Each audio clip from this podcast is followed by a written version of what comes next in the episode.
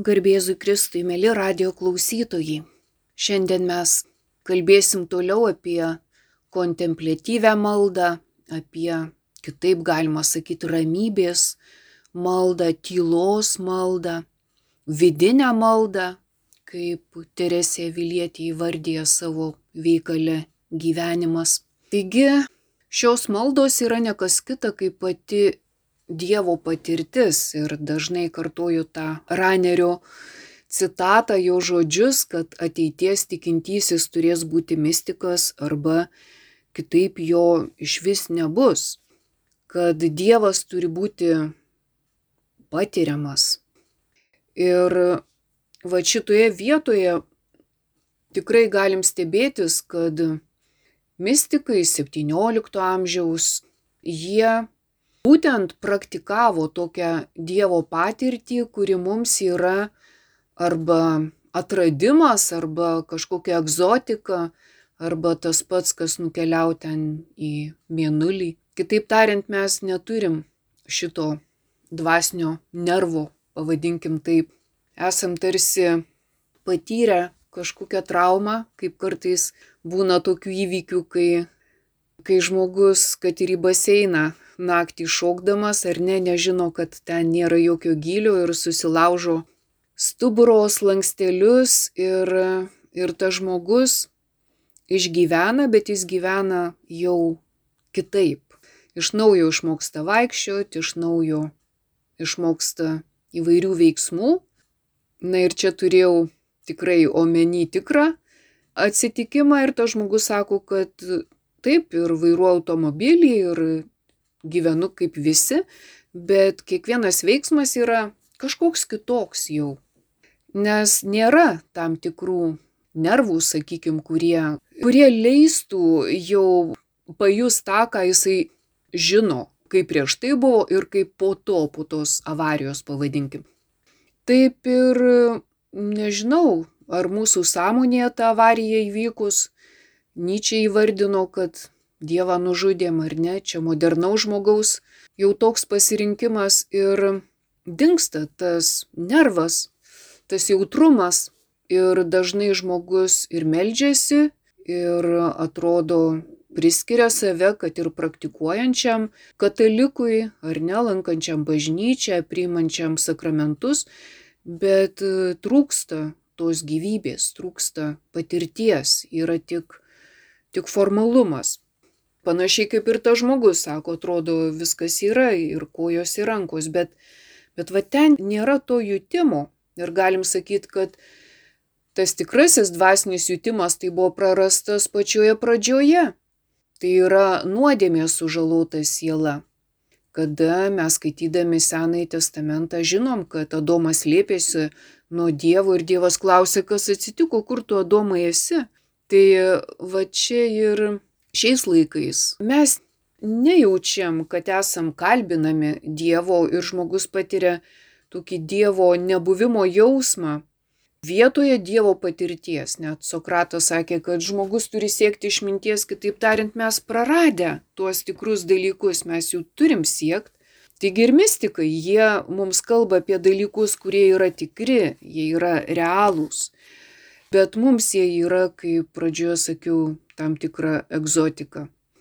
Tai būtent ir kryžiaus Jonas, ir Teresė Vilietė, kuriuos mes greičiausiai, jie labiausiai mums prieinami, mes turim ir į lietuvių kalbą išverstą ne vieną kryžiaus Jono knygą ir Šventos Teresės Avilietės veikalus. Tai būtent jie tarsi kalba apie tą vidinę maldą, ramybės maldą net nurodydami tam tikras, sakykime, detalės, ar ne, kas yra svarbu, ko reikėtų vengti. Ir kaip tik praeitą kartą ir minėjom tą tokį svarbų faktą, kad kontempliacinėje maldoje, kontempliacinėje būsenoje tikrasis veikėjas yra Dievas. Ne mes. Ir čia ta mūsų iniciatyva, jinai tiesiog būtų labiau trukdis negu pagalba. Ir ramybės maldoje, tylos maldoje siela turėtų išlikti rami, pasyvi. Ir čia, kai mes skaitom jų veikalus, tai gali ir kilt, nu, tas toksai gal klausimas, kasgi yra, kai jie sako aktyvi siela arba pasyvi, tai galim tiesiog atsigręžę į vidų pamatyti, kad tas mūsų vidinis toks aktyvumas visada pasireiškia santykėje su kažkuo, kad mes visada kažką įvardinam, ar ne? Kad tai yra daiktas, kad tai yra dalykas, bet su Dievu netinka nei viena, nei kita. Apie Dievą negali pasakyti, kad tai yra kažkoks daiktas ar kažkoks dalykas, kurį tu patiri, bet tu jį tikrai patiri. Bet jeigu jį kažkuo palaikai ar nelaikai kažkuo daikto ar dalykų, jau yra užterštumas, jau yra ta aktyvi mūsų veikla, kuri tarsi sutapatina Dievą su bet kuo, kas nėra Dievas. Jau čia neužtektų pasakyti, kad jį labai sumažina, bet iš esmės iškreipia.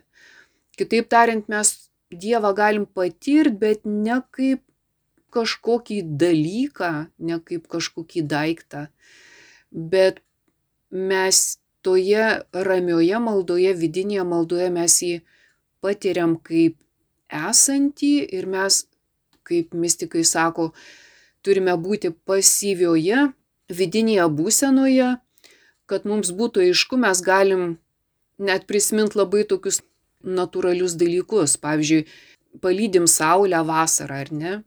Dauguma žmonių kurortuose, kur pulsiauja, jeigu turi galimybę, kad ir palangoje, vakare palydi saulę. Ir va tas momentas, tu tiesiog žvelgi, tu nieko negali pakeisti, tu negali pasakyti sauliai, čia yra taip saulėlydis, dabar palauk šiek tiek, ar ne, man reikia čia padaryti gerą nuotrauką, va kaip čia dabar išlindo iš debesėlio, dabar va kaip tik čia. Niekas nelaukia, tiesiog vyksta. Saulėlydis tiesiog vyksta. Ir gamtoje taip pat vyksta stebuklai, kaip ir žmoguje vyksta stebuklai, bet mes jų negalim pastebėti dėl savo pernelyg didelės aktyvios vidinės veiklos, kai mes norim viską suvaldyti, viską įvertinti. Ir jeigu stebėdami saulėlydį mes ten labai reikšimės, tai mes jo tiesiog nematysim. Galbūt mes kažkam labai pasakosim, ar labai aiškinsim, ar labai įvardinsim, bet mes nepatirsim, būdami kartu su ta saulė, kuri dabar mums atrodo tarsi panyra į tą vandenį ir patiriam, kaip pamažu šviesa nyksta, nors paprastai sunku tą momentą įvardinti, kada dar šviesu, kada jau tamsu. Tiesiog tai yra taip natūralu ir tie dalykai, jie gali būti patiriami, bet mes čia nie, nieko negalim pakeisti. Yra žmonių, kurie atradę tą natūralų gamtos grožį, turėdami galimybę keliauti po pasaulį, jie taip užsidega tomis kelionėmis ir tų patirčių troškimu, kad jie viską parduoda, nieko negaili ir išsileidžia į tą kelionę, kad jie tiesiog dalyvautų toje gamtoje, kuri tas pasaulis atrodo toks nedidelis, bet jis labai įvairus, labai kitoks, labai turtingas. Ir kultūra, ir vaizdais, viskuo. Ir tie žmonės keliaudami, jie tarsi panyra į tą gamtos kontempliaciją. Tai panašiai mystikai kalba apie Dievo patirtį, papasakoju tam, kad kažkiek galėtume įsivaizduoti, bet tai yra dar stipriau jeigu žmonės gali viską atiduot vardan tokio gyvenimo būdo, kad susilietų su gamta, kuri yra stipresnė, kuri yra brangesnė už viską, kuri yra dėl to tokia stebuklinga, kad ji yra ne žmogaus padaryta. Tu tarsi ir ieškai to Dievo stebuklo. Daug žmonių ieško Dievo gamtoje, bet Dievas ne tik tai veikia per savo kūrybą, jis ne tik yra transcendentalus, bet jis yra ir imanentinis, veikiantis mūsų sieloje. Ir mystikai kalba apie Dievo buvimą mūsų sieloje, kaip ir Teresė Vilietė sielos pilyje, aiškina apie tas menes tarsi kaip kokį žemėlapį, kaip nukeliauti į tą sielos pilį. Ir būtent gyvenime jinai knygoje gyvenimas, jinai kaip tik rašo apie vidinę maldą ir kaip tik ten jinai tiesiog labai daug aptardama visus lygius, tarsi ir kalba, ką reikėtų daryti, ko reikėtų nedaryti. Ir kaip tik Teresė Vilietė sako, kad būtent ši malda yra visų palaiminimų pradžia. Dėl ko jinai taip sako, kad jinai ten daug rašo apie tai, kad jai tai buvo ženklas, kad Dievas tokiu būdu išsirenka sielą dideliems dalykams. Ir va tas pirmai, kaip jinai sako, pirmas taip aiškiai patirtas tos vidinės maldos skonis, tai ir yra tokia nuostaba, už ką tau Dievas duoda tokią laimę, tokią vidinę ramybę. Tokią vidinę ramybę, kada tu pajauti, kad tau nereikia susitapatinti su jokių daiktų ar dalykų, kurį tu galėtum įvardinti tikėdamas, kad tai tau bus kažkas pagalba. Ne. Toje vidinėje maldoje siela tarsi atsipalaiduoja nuo tų visų daiktų ir dalykų ir tarsi atsiriždama net nuo paties Dievo įvardinimo, patiria patį Dievą nesuterštų būdu. Kitaip tariant, kad pirmas dalykas tai neįvardinti Dievo niekuo, nes jau tas įvardinimas yra pagal mystikus lyg atsigrėžimas į save, o nusigrėžimas nuo Dievo. Tai tarsi iš karto užkerta tą galimybę, kad ta patirtis tavyje atsiskleistų. Ir kitas dalykas - nesuterštos patirties savimi. Dėl to Teresė Vilietė labai aiškiai sako, kad apskritai dvasinis tobulėjimas prasideda nuo savęs pažinimo. Ir kryžiaus Jonas tą patį aiškina, kalbėdamas apie kūno naktį, sielos naktį arba pojūčių naktį. Ir dvasinę naktį. Kitaip tariant, kad tu turi išsivaduoti iš savo viso tokio egoistinio gyvenimo būdo. Ir pati Teresė jau priejus tą ribą sako, kad galų gale aš ištariau tau viešpatie, noriu tarnauti tik tau ir neužsimti jokia kita veikla. Nes jis sako, aš tiesiog užgirdau viešpatie tavo žodžius, nes tu man tariai tarnauk man ir neužsimk kuo kitu. Tai va tas tarnauk man ir neužsim kuo kitu, o tas, ką reiškia neužsim kuo kitu. Mes visada esam užsiemę savimi, savo reikalais, tuo sukimusi apie save. Viskas yra aš, man, mano ir taip toliau. Kuriam įvairius planus, siekiam įvairių tikslų, kurie tik su šitais žodžiais ir yra suformuluoti, kad e, tai turi būti nauda man, kad čia yra mano, kad čia pagerbs mane, kad e, čia aš vadovausiu ir taip toliau. Jeigu viso šito nebūtų, jeigu mes tuo neužsiimtume, tai tuomet mes galėtume praeiti tas gilesnės vidinės menes, nes e, būtent šitą veiklą, nors jinai yra labai nerami, todėl štai gyvendami mes apskritai jokios ramybės savyje negalim jaust, tik varginantį triukšmą, nes kiekvienas egoistinis motyvas mus iškankina, jis mums net neša jokios ramybės bet priešingai, kiekvienas egoistinis veiksmas iškrauna mus. Nors kiekvienas egoistas visada galvoja, kaip kitą žmogų iškrauti ir ne kaip kitų pasinaudoti, bet va čia yra tokia paslaptis, kad kiekvienas egoistinis veiksmas atima iš mūsų gyvybę. Dėl to Jėzus ir sakė, kad nebijokit mirt, nes tik tada gyvensit, o jeigu labai trokšit, va taip, dėl savęs gyventi mirsit. Tai ir Teresė, jinai sako, aš išgirdau viešpatį savo sielui tavo žodžius, tarnauk man ir neužsim kuo kitu. Tai reiškia, netarnauk savo, netarnauk e, savo garbiai, netarnauk velniui, netarnauk e, pasaulio siūlomiems malonumams ir kitiems dalykams. Kitaip tariant, prie viso to neprisirišk. Ir jau vien toks sielos nusiteikimas jau yra tas žingsnis, kuriuo mes prieartėjam prie tos galimybės patirti kažką, kas nėra kaip mums įprasta siekiamas savanaudiškas tikslas, nes mes ne, nemokam kitaip gyventi, mes nuo vieno savanaudiško tikslo prie kito arba kažkoks mažesnis tikslas tarnauja aukštesniam egoistiniam tikslui, tas dar, dar ir kad tik aš išlikčiau, toks galutinis, kad tik aš išlikčiau.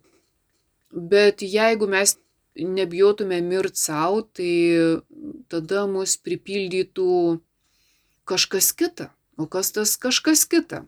Tai va tas tarnauk viešpačiui, kaip Teresė Vilietė sako, tarnauti viešpačiui labai skiriasi ta vidinė būsena nuo, nuo tos, kai mes tarnaujam savo. Ir ji suteikia jau nemažai džiaugsmo, bet kad tas perversmas įvyktų, Tai kryžiaus Jonas ir įvardina tą kaip pojūčių naktį, kaip e, pojūčių mirtį, kaip tų prisirišimų mirtį.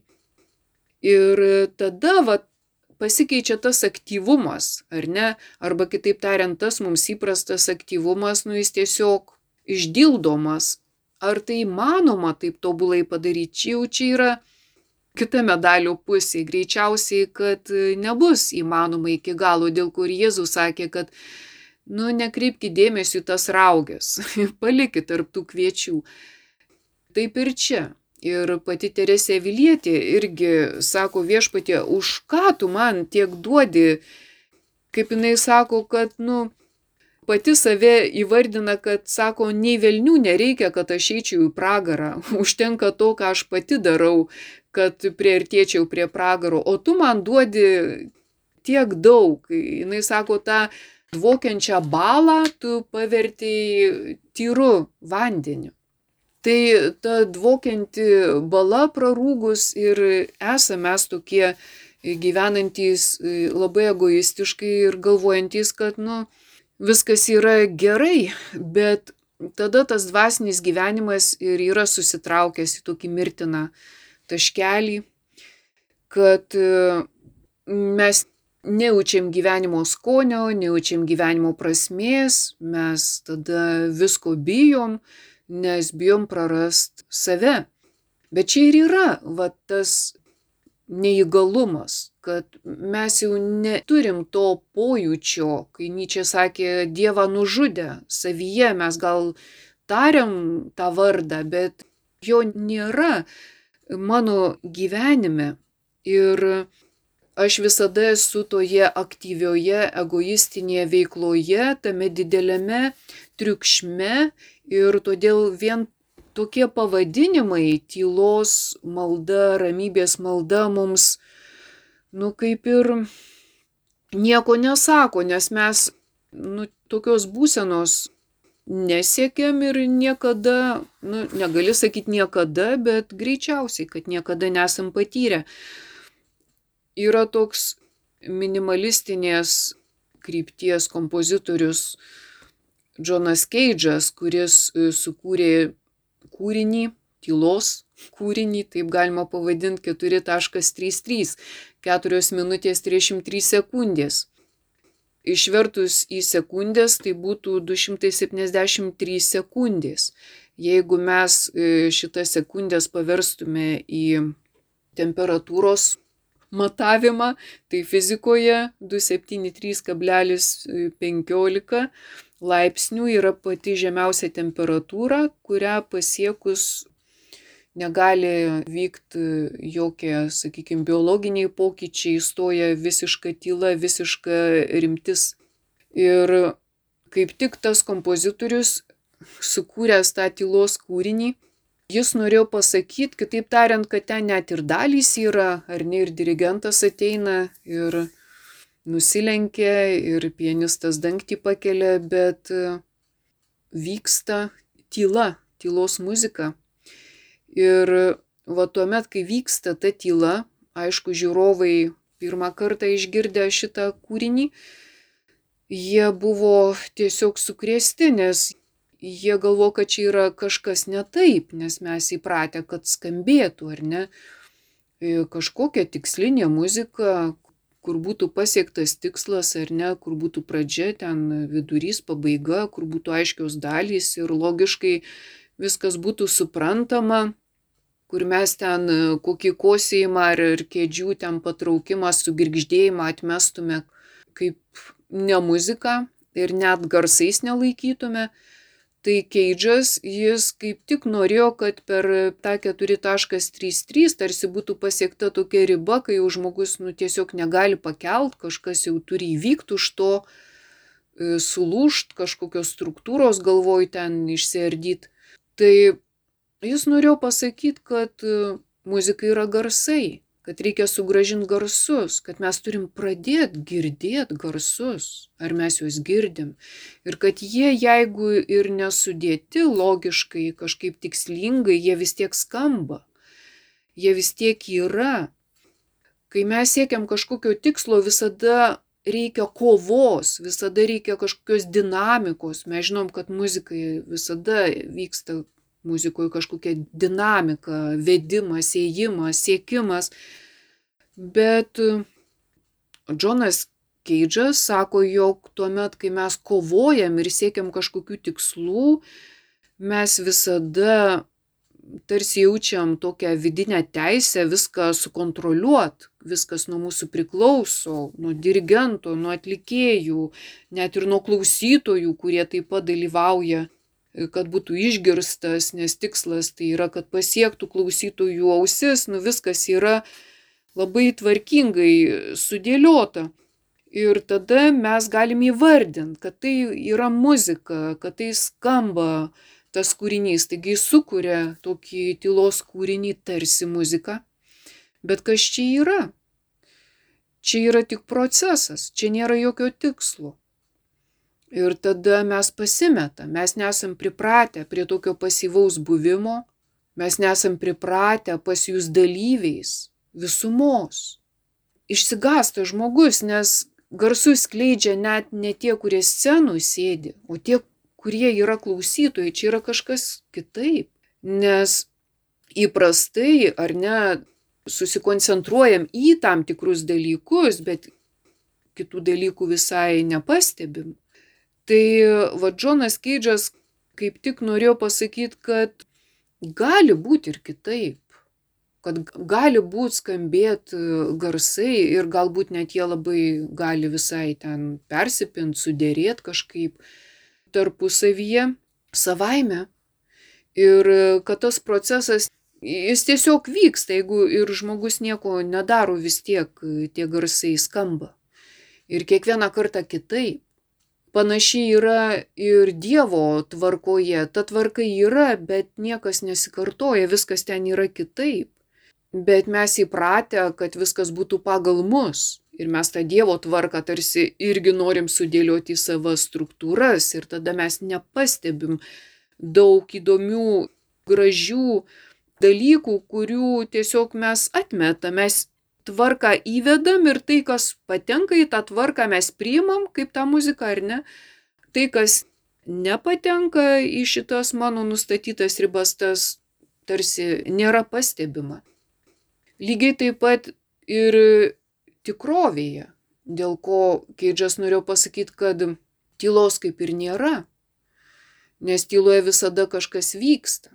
Mes pačios tylos niekaip negalim užfiksuoti mes tiesiog esam tokie, kad mes neatsiveriam absoliutiem dalykam. Mūsų erzina, kai mes jau baigiam prie į tą ribą. Ar ne, jeigu kompiuteris ilgai neįsijungia, mes erzinamės. Jeigu filmo kadras per ilgai užtrunka, tai tie, kurie kuria filmus, jie tikrai žino, kiek gali vienas kadras užtrukti, nes nežiūrė žmogus to filmo. Tai netitinka to, kokios struktūros yra mūsų galvose. Taigi realiai žmogui tyla nėra pasiekiama, nes jisai vienas dalykas negalės kirstos ribos, nes turės kažkas jame pasikeist. Bet tikrai negalim atmest, kad tyla yra muzikos dalis, bet tylos nebūtų pačios muzikos.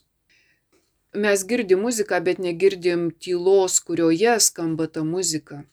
Lygiai taip pat ir mes galim užfiksuoti savyje įkvėpimą ir iškvėpimą, bet mes tų tarpų nefiksuojam, kurie yra labai svarbus. Kai galim ginčytis, kas yra svarbiau, kai mes įkvėpiam ar iškvėpiam.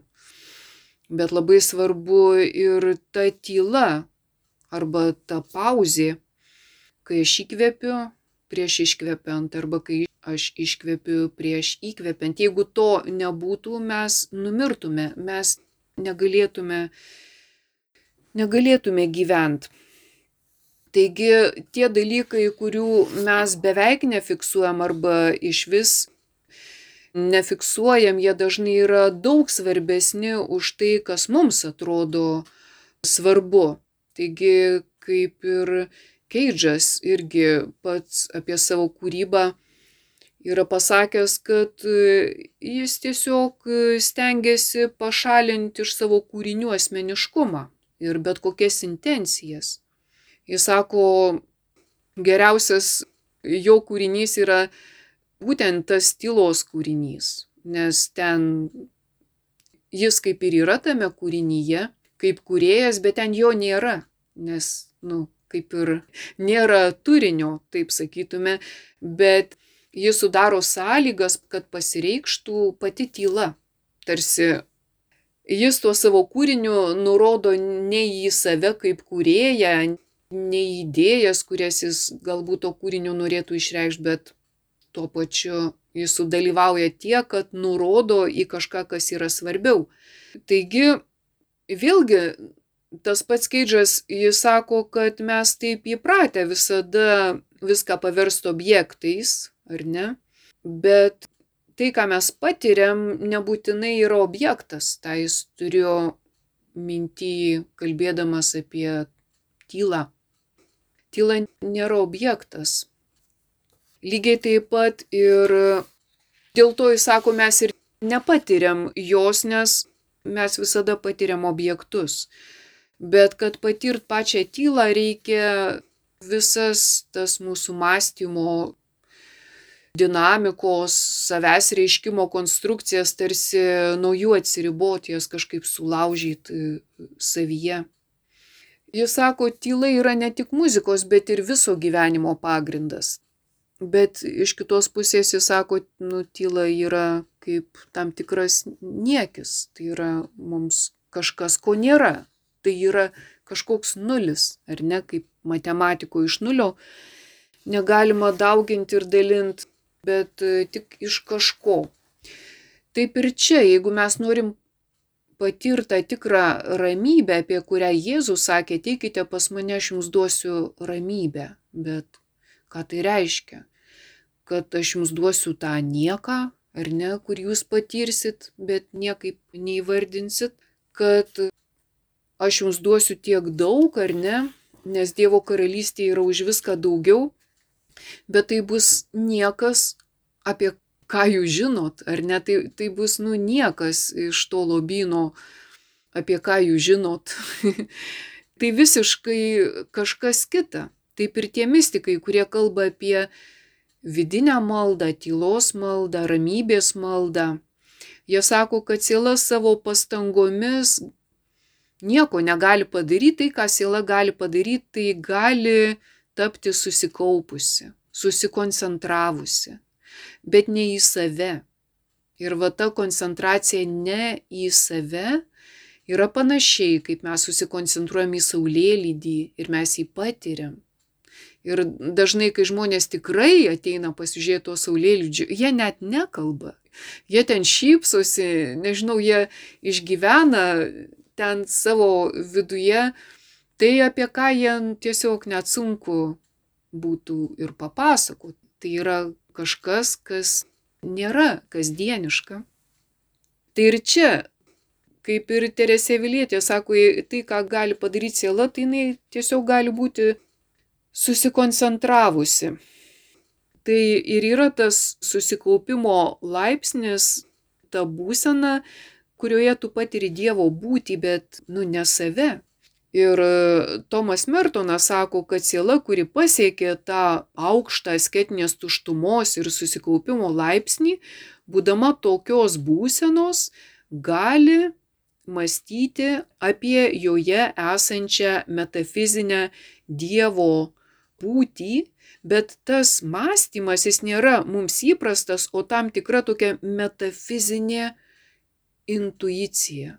Metafizinė intuicija Tai yra tokia vidinė būsena, kai tu ir kai siela yra susikaupusi ar nesusikoncentravusi, bet tuo pačiu ir ilsisi, nes ta metafizinė Dievo intuicija tai yra jau kažkas, kai Teresė Vilietė sako, kai ji būdavo toje maldoje, tai net, net atitrūkdavo nuo žemės. Ir prieš ją paskelbiant šventąją buvo ne vienas patvirtintas faktas iš tų, kurie gyveno su jie kartu, kad yra matę ją ekstazėje, kur ji pakilus nuo žemės. Tai tam tikra prasme net kūnas sudalyvauja toje patirtyje, bet kūnas gali likti ten, kur jisai yra, bet žmogus gali išgyventi tą gilę metafizinę intuiciją, tuo pačiu kaip ir imanentinį Dievo veikimą sieloje. Taigi ramybės maldoje siela jaučiasi apšviesta, bet ne savo proto apšviesta, ne savo vidinių galių, bet jinai jaučiasi apšviesta, įkvėpta gyvybės, tarsi pakilėta ir tarsi išvaduota iš tų visų materialių apribojimų, kuriuose jinai įkalinta jaučiasi beveik nuolat. Bet tuo metu jaučia tarsi nepaprastą lengvumo ir laisvės pojūtį, panašiai kaip e, mokiniai, ar ne, kaip paleidžia ilgai pertraukai ir visi tada ten iš klasių, iš mokyklų ir ten į maksimas lekia, jie tokie visi laimingi, ištrūkę iš kažkur. Taip ir čia, kai siela patiria Dievą, ji yra tarsi ištrūkus iš tos vergovės, kur tu vergauji tam egoizmui, įdoms, visiems tikslams, kurie tave verčia ten kovot, siekt, nurunkt, užim pirmas vietas, gazdintis dėl savo išlikimo, patogumų ir taip toliau. Tai va tuo momentu tu tarsi ištrūksti iš viso šito vergovės narvo ir tarsi maudaisi toje Dievo šviesoje. Ir čia, kaip kryžiaus Jonas sako, kad gali tave apgaupti toksai debesis. Jis yra kaip nežinojimo debesis, kaip tamsos debesis, bet tas potyris ir yra kažkas, apie ką tu nieko nežinai. Va, kaip sakiau pradžioje, tu negali prilyginti nei daiktui, nei dalykui, bet tu patiri ir tuo metu, kaip ir Teresė Vilietė, irgi bijo sugadintą patyrimą ar nesuteršt savimi, nes tai yra kažkas tokio švaraus, ko tu negali atras savyje.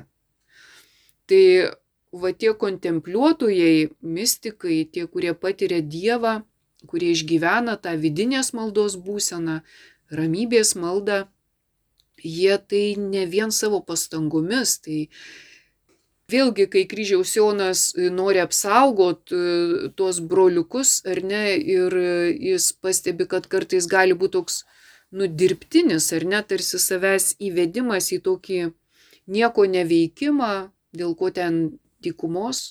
Tėvai kalbėjo apie akediją, kai tu tarsi save gali įvesti į tokį, nu, nieko nedirbi, nieko nedarai, bet kaip kryžiaus Jonas sako, kai tu iš vis atsisakai, tarsi tu taip suvoki, kad tau, nu, tiesiog reikia tinginiau, čia taip gautųsi, nu, tapt tokiu tinginiu, kada, kai jisai sako, tu ir dėl Dievo nieko nedarysi. Iš vis nieko. Ir tarsi lauksi tų saldybių, kurios tave pasaldintų tavo sielos gyvenimą. Bet va čia ir yra kaip ir tikrai svarbus dalykas, ką ir kryžiaus Jonas ir Teresė Vilietė pastebi, kad tu negali įšokti į šitą maldos būseną, jeigu tu nesi pasiruošęs. Kitaip tariant, jeigu tu gyveni tame aš mano man ir mane pasaulėlyje, tame egoizme, tu tarsi kažkaip techniškai norėdamas išgauti savyje tą dirbtinę ramybę, neatsisakant egoistinio gyvenimo būdo, tu ir susirksi tą kėdyje, tu tapsi tokiu labiau panašiu į tokį irzlų tinginį arba iš vis nuo visko pabėgusi, atsiribojusi, nenorinti nieko matyti, nei girdėti, bet kaip kryžiaus Jonas sako ir lygiai taip pat ir apie Dievą tu tuoj nenorėsi nieko girdėti, bet tu lauksi tų saldybių, to, nežinau, kokio transo, regėjimų, dar kažkokių tokių patirčių, kurios tave paglostytų. Tai vad nuo kažko prasideda ta būsena, kuri arba mus paruošia tam susitikimui, tai maldai arba priešingai, mus tarsi dar labiau atitolina nuo to, ką mes vadintume tylos malda, ramybės malda, kontempliacija. Taigi šiandien turim jau pabaigti mūsų mąstymą apie tai, pratesim sekantį kartą. Ačiū uždėmesį, su Dievu.